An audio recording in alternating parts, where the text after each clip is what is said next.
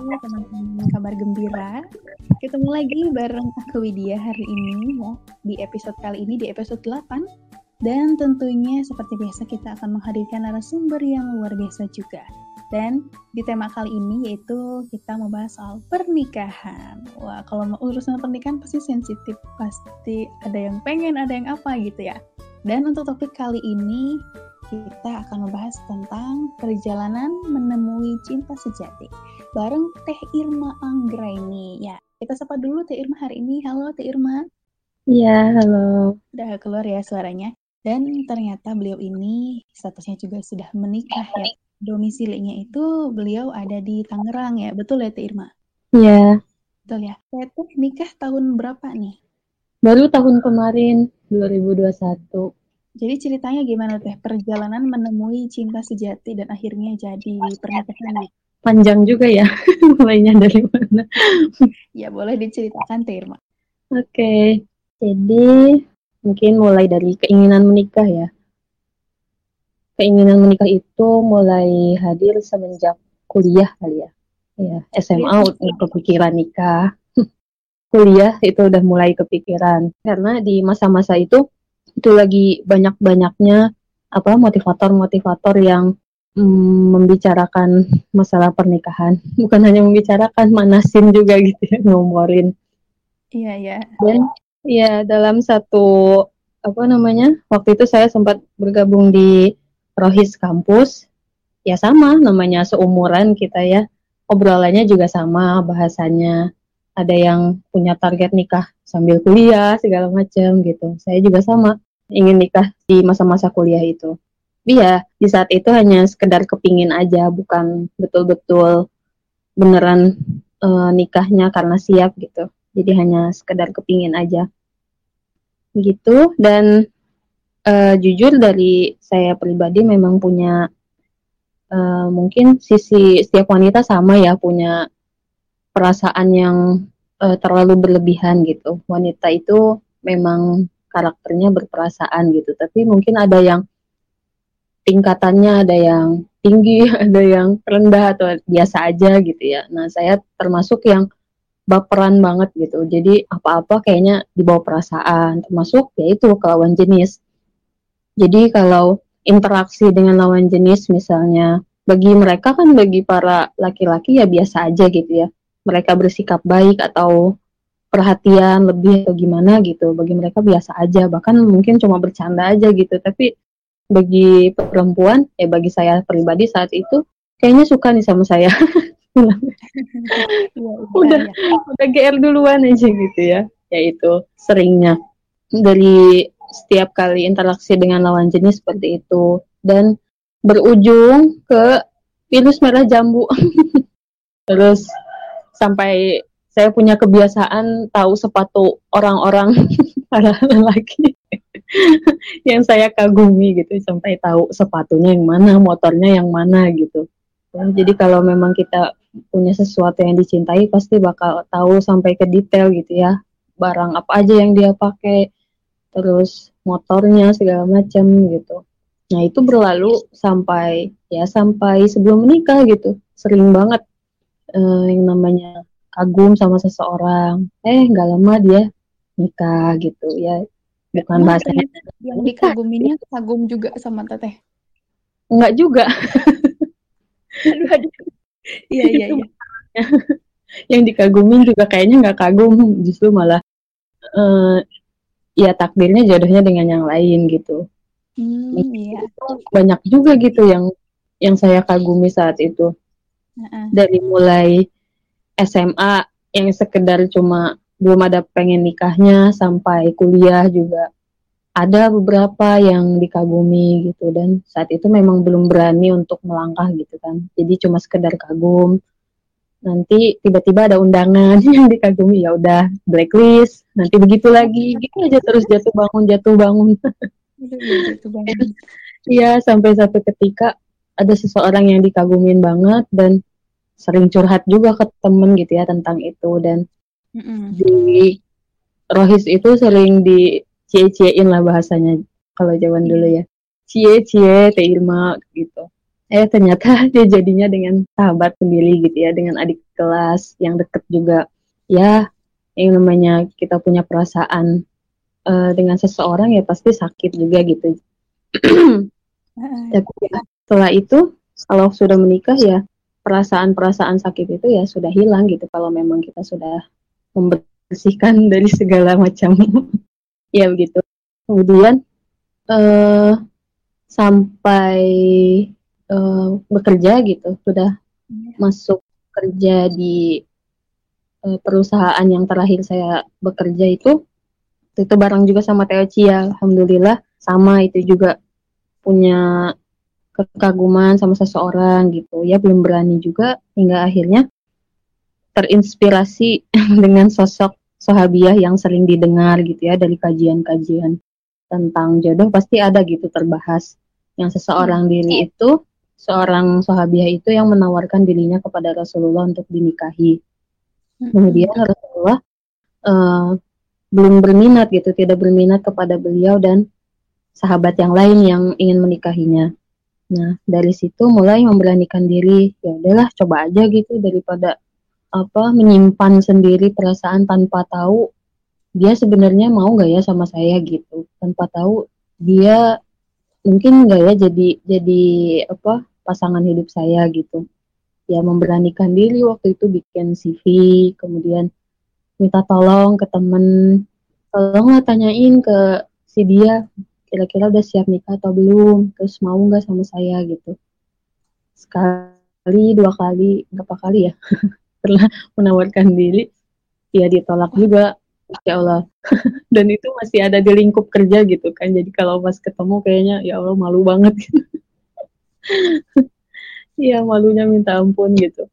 Ya mau gimana lagi? Pertama memang udah ingin nikah gitu ditambah uh, belum tahu juga ini kayaknya suka atau enggak jadi ya udah memberanikan diri untuk minta tolong ke taman. Oh kira-kira mau atau enggak. Dan itu ada dua kali atau tiga kali gitu ya menawarkan diri.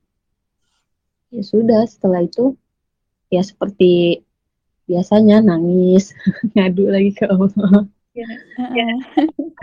Allah yang memang lebih tahu apa yang terbaik untuk kita gitu kan iya betul. Di doa istikharah juga. Kalau memang yang terbaik pasti didekatkan. Kalau memang tidak yang terbaik untuk kita bukan orang yang tepat pasti jauhkan. Tapi ya untuk pelaksanaannya nggak semudah itu gitu. Pelaksanaannya uh, banyak nangisnya. Kok kayak nggak terima sama takdir Allah gitu ya? Yeah. siapa yeah. yang mau ya sama aku gitu. Sampai akhirnya ya udahlah.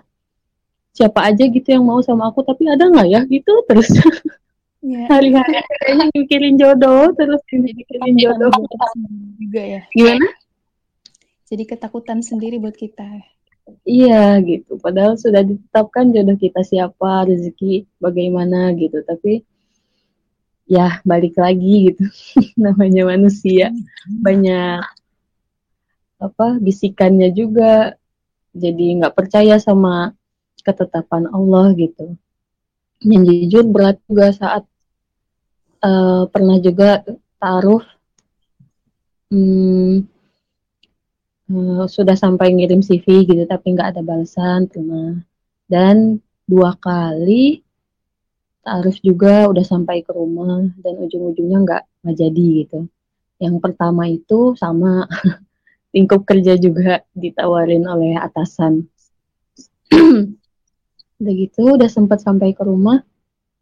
Um, ceritanya dia katanya itu udah udah lanjut gitu ya. Udah dari CV terus udah ketemu ngobrol. Yeah. ya udah yeah. lanjut ke rumah udah ke rumah ngobrol juga sama paman. Karena ayah juga udah nggak ada jadi diwakili oleh paman waktu itu di Bandung. Udah sempat datang ke rumah ngobrol segala macam katanya mau belajar dulu katanya gitu. Mau belajar dulu katanya jadi suami yang soleh.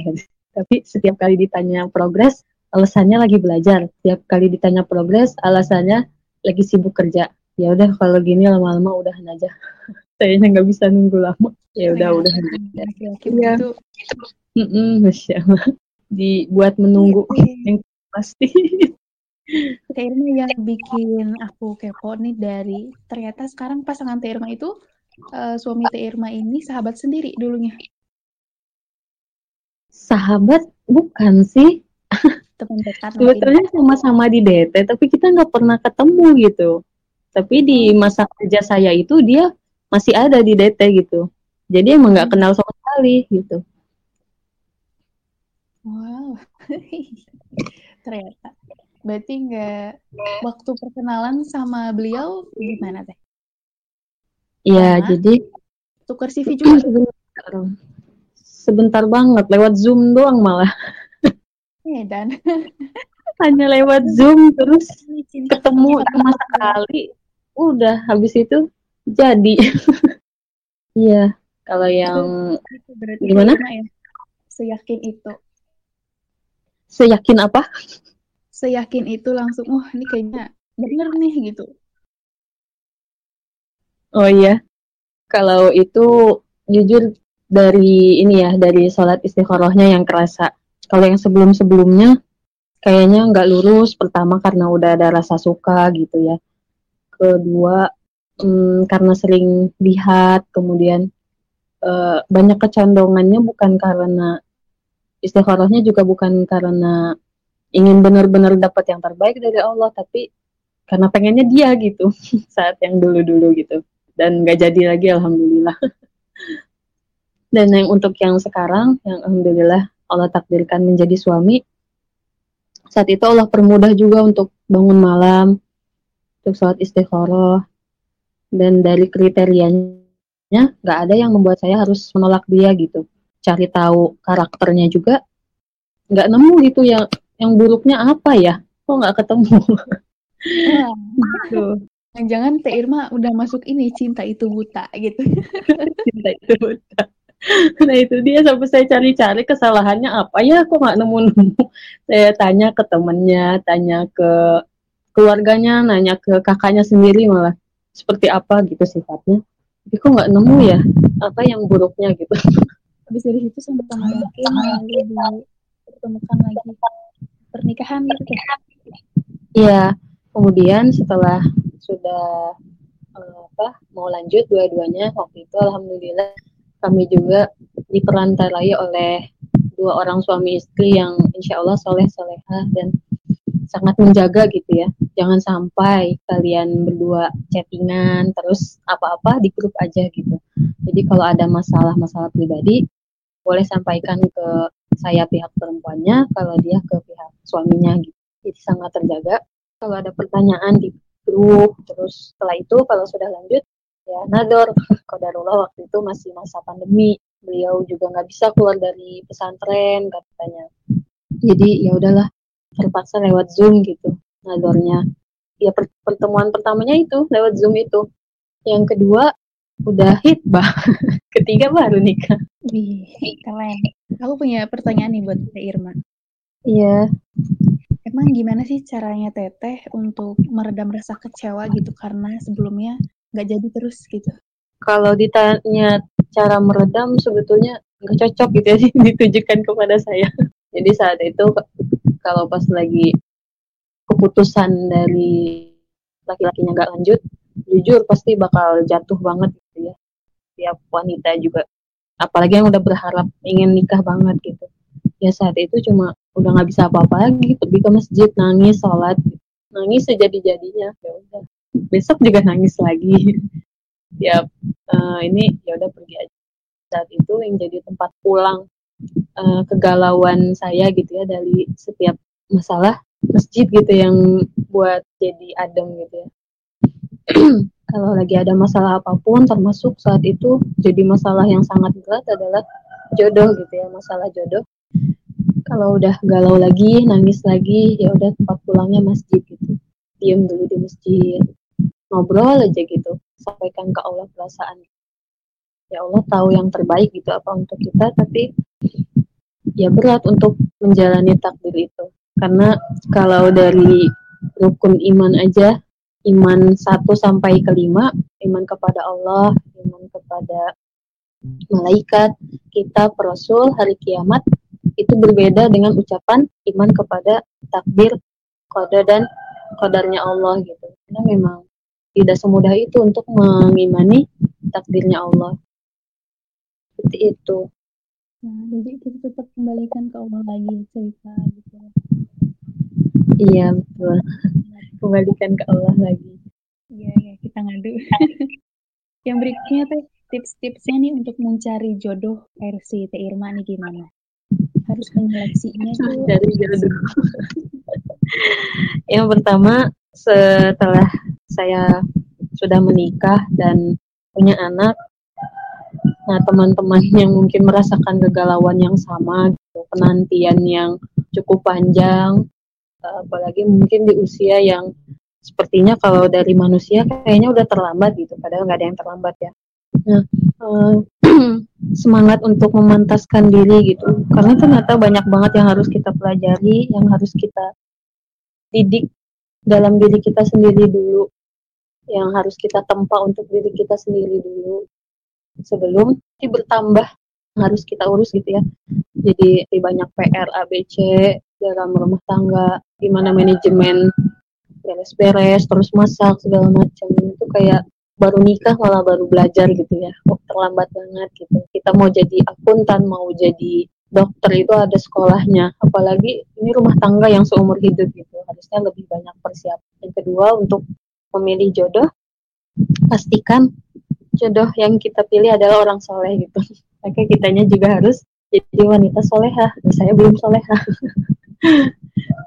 Intinya adalah terus berusaha mendekatkan diri ke Allah gitu saat memantaskan diri ingin mendapatkan jodoh yang soleh kita juga berusaha untuk menjadi diri yang solehah.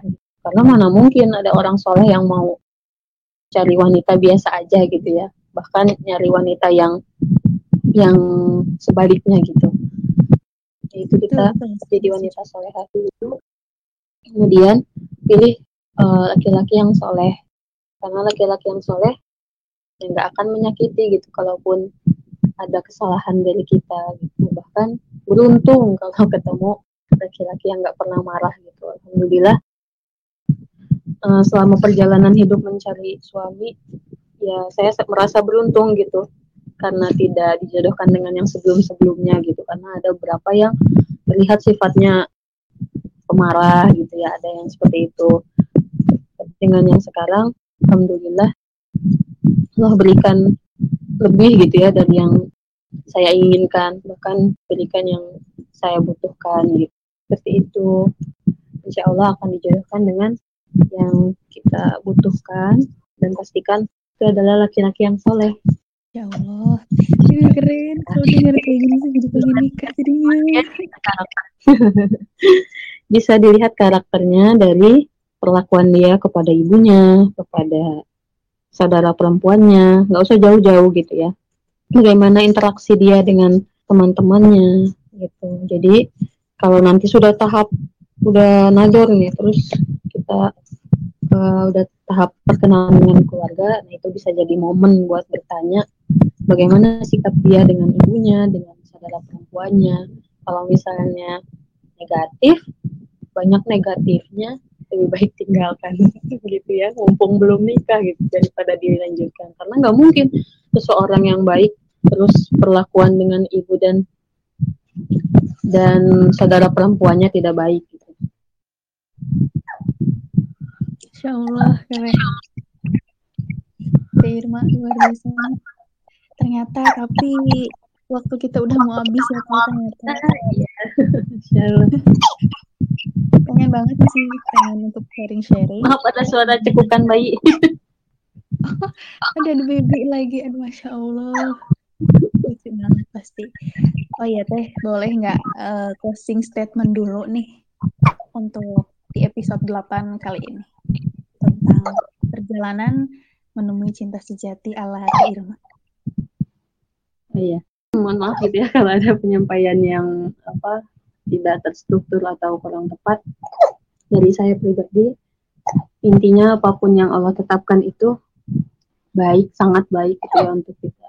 Cuma kitanya aja gitu yang jadi manusia kadang berprasangka buruk terhadap Allah. Eh, tidak mempercayai bahwa ya kita sudah ditetapkan jodohnya gitu. Jodoh kita siapa, di mana? Ketemunya bagaimana, itu sudah ditetapkan oleh Allah.